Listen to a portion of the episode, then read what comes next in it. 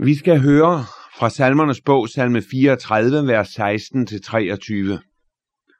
På retfærdige hviler hans øjne. Hans øren hører deres råb. Når de skriger, hører Herren og frier dem af al deres trængsel. Herren er nær hos dem, hvis hjerte er knust. Han frelser dem, hvis ånd er brudt. Den retfærdiges lidelser er mange, men Herren frier ham af dem alle. Han vogter alle hans ledemod, ikke et eneste brydes. Ulykke bringer de gudløse død, og bøde skal de, der hader retfærdige. Herren forløser sine tjeneres sjæl, og ingen, der lider på ham, skal bøde. Amen. Det er utrolig vigtigt at blive klar over, hvad det er at være retfærdig. For på retfærdige hviler Guds øjne. Er du, er jeg retfærdig? Når vi ser på os selv, så synes vi måske, at må ikke det går. Sammenligner vi os med andre, så er der alligevel adskillige, som vi synes, vi holder mål med. Det bliver anderledes, når vi kommer ind i Guds helligheds skarpe, gennemtrængende lys. Det lys, som du møder i Guds ord. Der afsløres vort inderste. Der bliver det klart, gennem Romerbrevet kapitel 3, vers 10, at der er ingen retfærdig, ikke en. Der er ingen forstandig, der er ingen, som søger Gud. Sådan er det, når Gud fra sin himmel ser ned på menneskenes børn. Så er der ingen retfærdig. Ikke en. Absolut ingen. Og det hænger sammen med, at al vor retfærdighed er som en tilsølet klædning. Vi er urene til håbe som der står i Esajas' bog, kapitel 64, vers 5. Vi visner, hvor brøde bortvejrer os. Vi kan ikke bestå for Gud. Men der har været en. En på jord. På hvem Guds øjne kunne hvile med velbehag det var hans egen søn. Hos hvem der ikke var synd. En, der var udskilt fra syndere. Ham, om hvem Gud kunne sige det, denne er min søn, den elskede. I ham har jeg velbehag. Dag og nat hvilede Guds blik med glæde over synden. Tænk, at Gud skulle finde en på jord, der var fuldstændig, som han ønskede, han skulle være. Kan vi undre os over, hvilken fryd Gud har haft ved at se på Jesus. Hans øjne har hvilet på ham. Aldrig har han taget sit blik bort fra ham. Han har haft denne hvilende glæde, denne forunderlige lykke og fryd ved at se på ham. Guds øje hvilede på, hvilede i den retfærdige. Sådan blev det ikke ved med at være. For der kom en dag, da Jesus ikke længere var retfærdig der var hans synd. Han blev nemlig gjort til synd. Gud tilregnede ham al verdens synd. Og så bar han denne synd op på korsets træ, ind under Guds forbandelse og dom. Og der hvilede Guds øje ikke længere på ham. Og der måtte Jesus råbe, min Gud, min Gud, hvorfor har du forladt mig? Der er et svar på det spørgsmål. Og det er, at Gud forlod ham, for at det skulle komme alle til gode, at han har smagt døden. Han smagte forbandelsen, for døden, det er syndens løn. Og den egentlige død, den dybeste død, det er Guds adskillelsen. Det er Guds vrede og dom. Det er Guds forkastelse. Fordi Jesus blev forbandet. Ikke for det han selv var, men på grund af dig. Så kan du gå fri, fordi en anden har taget din straf.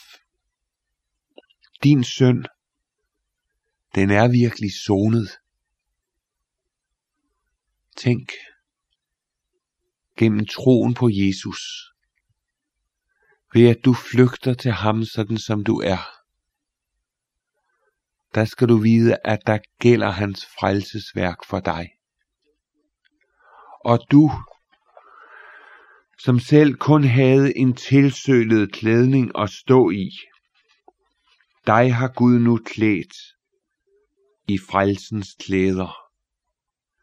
Jeg vil glæde mig højlig i Herren. Min sjæl skal juble i min Gud. Til han klædte mig i frelsens klæder, hyldede mig i retfærds kappe. I retfærds kappe, ja, du bliver retfærdiggjort du bliver erklæret for retfærdig gennem troen på Jesus. Og der hviler Guds øje på dig. Hviler med velbehag. Hviler med glæde. Jeg ved ikke, om du har prøvet at sidde ved en sygeseng. Måske sidde ved et menneske, som du har fået lov til at følges med igennem livet. Og nu ved du, at der er ikke lang tid til, at de skal sige hinanden farvel. Måske er det sådan, at den syge ikke kan sige mere. Men du sidder lige så stille på din stol og ser på vedkommendes ansigt. Og der kan mange tanker gå gennem dit sind. Men du kan også fyldes af en forunderlig lykke. En lykke ved at se på det ansigt. Fordi der er noget i dit hjertes inderste, som er forbundet med det menneske, der ligger der. Der er en sindets samklang, en livets rigdom imellem jer, som er der, også selvom den ikke tolkes i ord. Herren Han har det sådan over for sine børn. Jesus er nemlig gået ind i Guds hjerte. Og der har han skabt noget forunderligt gennem den forsoning, som skilte, så at den synd, som skilte os fra Gud. Det er denne forunderlige forligelse, der er sket. Den er ikke sket ved at Gud er blevet en anden. Men den er sket derved, at din og min synd blev betalt. Og derfor kan Gud se på os, som om der aldrig har været nogen synd, som skilte os fra ham. aldrig nogen hjertets ondskab. For det der var det væk. Jesus har taget det bort. Og der kan Guds øjne hvile på dig, for han ser dig. Han erklærer dig retfærdig i kraft af det, som Jesus har gjort for dig, i kraft af det, han er. Og derfor er der heller ikke noget, der hindrer Gud i at høre dit råb. Du har åben, du har fri adgang ind til hans hjerte. Han kender dig helt til bunds. Ja, han kender dig også, når dit råb bliver til et skrig. For indimellem, der venter Gud, der tøver Gud med at gribe ind. Meget længere, end vi kunne ønske. Nøden bliver større og større, og vi må sige det til Gud. Hvor er du, Gud? Har du forladt mig, Gud? Det har han ikke. Han forlod Jesus, fordi han aldrig ville forlade dig. Jesus blev din stedfortræder. Derfor kan Gud være dig evigt nær. Og det er det, der står, Herren er nær. Han frier dig af al din trængsel. Ikke af noget af den. Men du kan ikke nævne nogen trængsel. Du kan ikke nævne nogen prøvelse, ingen vanskelighed, som Gud ikke vil fri dig fra. Han vil fri af al trængsel. Og så står der i vers 19 noget helt vidunderligt. Der står, hvem Gud er nær. Der står ikke, at han er nær for dem, for hvem det lykkes. Der står ikke, at han er nær for dem, hos dem, som lever et kristenliv, som de og andre kan være tilfreds med. Nej, der står, at han er nær hos dem, hvis hjerte er knust. Han frelser dem, hvis ånd er brudt. Sådan er Gud. For det offer, som vi skal bringe ham, det er jo ikke guld og røgelse og myrer. Men offer for Gud er en sønderbrudt ånd. Et sønderbrudt, sønderknust hjerte. Agter du ikke ringe, o Gud. Gud, han bor i højhed og herlighed. Og så bor han et sted til. Hos den knuste, i ånden bøjede. For at kalde de bøjedes ånd og de knustes hjerter til live. Derfor skal du ikke fortvivle, når Gud fører dig ind i en erkendelse, der knuser dit hjerte. Når du synes, at det er som om alt det, du har bygget op, det ligger i grus. Og når du slet ikke kan drømme om, at du har nogen mulighed for at bestå for Gud, sådan som du er, du skal gøre noget andet. Du skal bøje dig for Herren. Og så skal du takke ham, fordi han er nær hos dem, hvis hjerte er knust. Det er et utroligt stærkt udtryk. Der står ikke, at han er nær hos dem, som har ondt i hjertet, som føler et stik i hjertet. Nej, han er nær, når dit hjerte, det er knust. Knust under syndens vældige byrde. Knust, fordi der er så meget ondt i dig, som ingen ser, men som Gud kan vise dig, og som kan forfærde dig, så tror du, at nu må Gud forlade mig. Nu kan Gud ikke blive ved længere.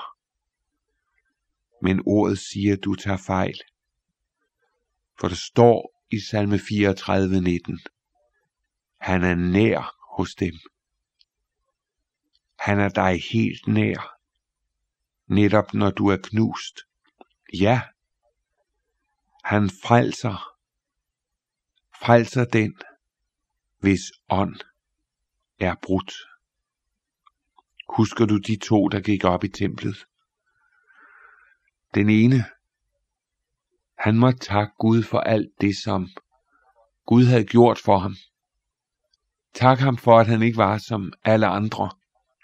Tak ham, fordi Gud havde lært ham, hvad gavmildhed er. Han gav tiende, og han gav der alt, hvad han ejede. Takker ham for, at Gud havde lært ham, hvad det var at leve et liv i nøjsomhed og forsagelse. Han fastede to gange om ugen. Men Gud var ham ikke nær. For midt i sin fromhed, der var han selv retfærdig. Så var der en anden.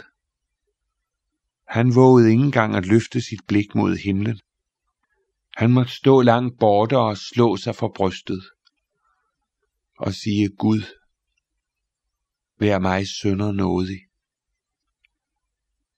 Han var en, hvis hjerte var knust, og hvis ånd var brudt. Men Jesus siger om ham, at han gik retfærdigt gjort hjem til sit hus, hvad den anden ikke gjorde. Sådan er det. Gud er nær, og kun nær hos dem, som er hjælpeløse, som er fattige, som er fortabte i sig selv, som ikke kan forstå, at Gud kan blive ved. Men han bliver ved. Det siger hans ord. Det er sådan, at den retfærdige lidelser, de er mange, som der står i vers 20. For Gud må føre os sådan gennem livet, at vi igen og igen kommer til kort med os selv. For hvis det ikke sker, så bliver vi hovmodige. Og når du er hovmodig, så er du langt fra Gud.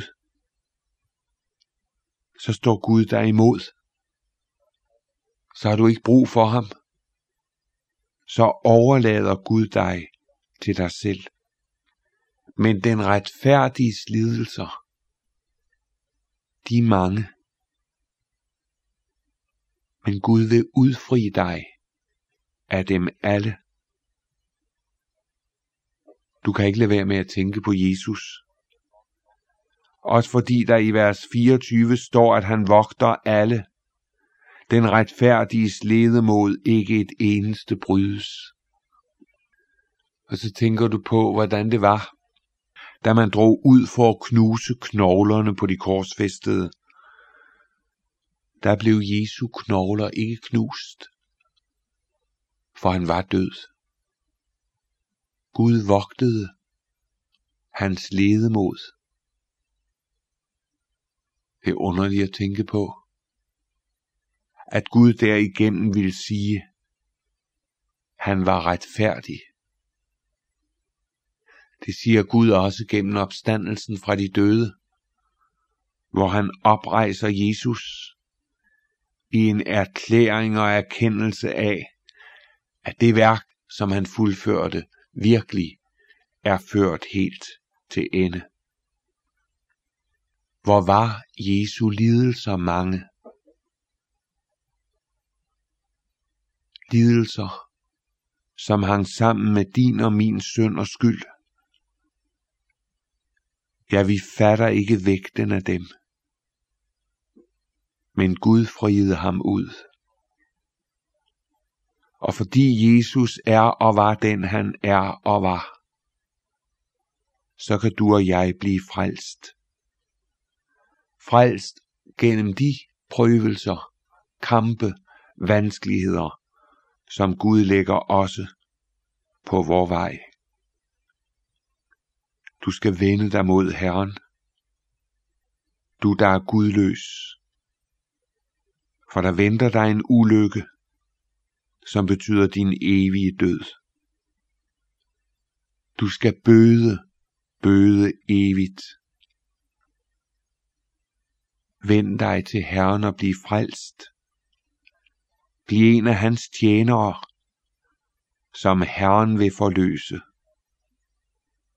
Du skal vide, at ingen, absolut ingen, som lider på ham, skal bøde. Der er ingen, der regner med Jesus, som går fortabt. For han er verdens frelser. Han er din frelser. Han er håbet, som aldrig brister. Han er kilden, der evigt flyder. Han er vejen, vejen til Gud, vejen til frelse, vejen til paradis. Han er værdig din og min tak, vor evige lovsang. Lad os bede. Vor dyrbare Jesus Kristus, vi takker, ophøjer og ærer dit navn, fordi du er Gud, du er frelser, du er forsoner, du er Herre. Og så vil vi bede dig om, at du vil frelse den, der længes efter dig, og som ikke kan finde vej. Her vil du ikke finde vej, netop til ham eller hende. Vil du forbarme dig over os alle? Vil du lade os se dit værk, din frelse? Vil du føre os frem mod herlighedens forunderlige dag? Amen.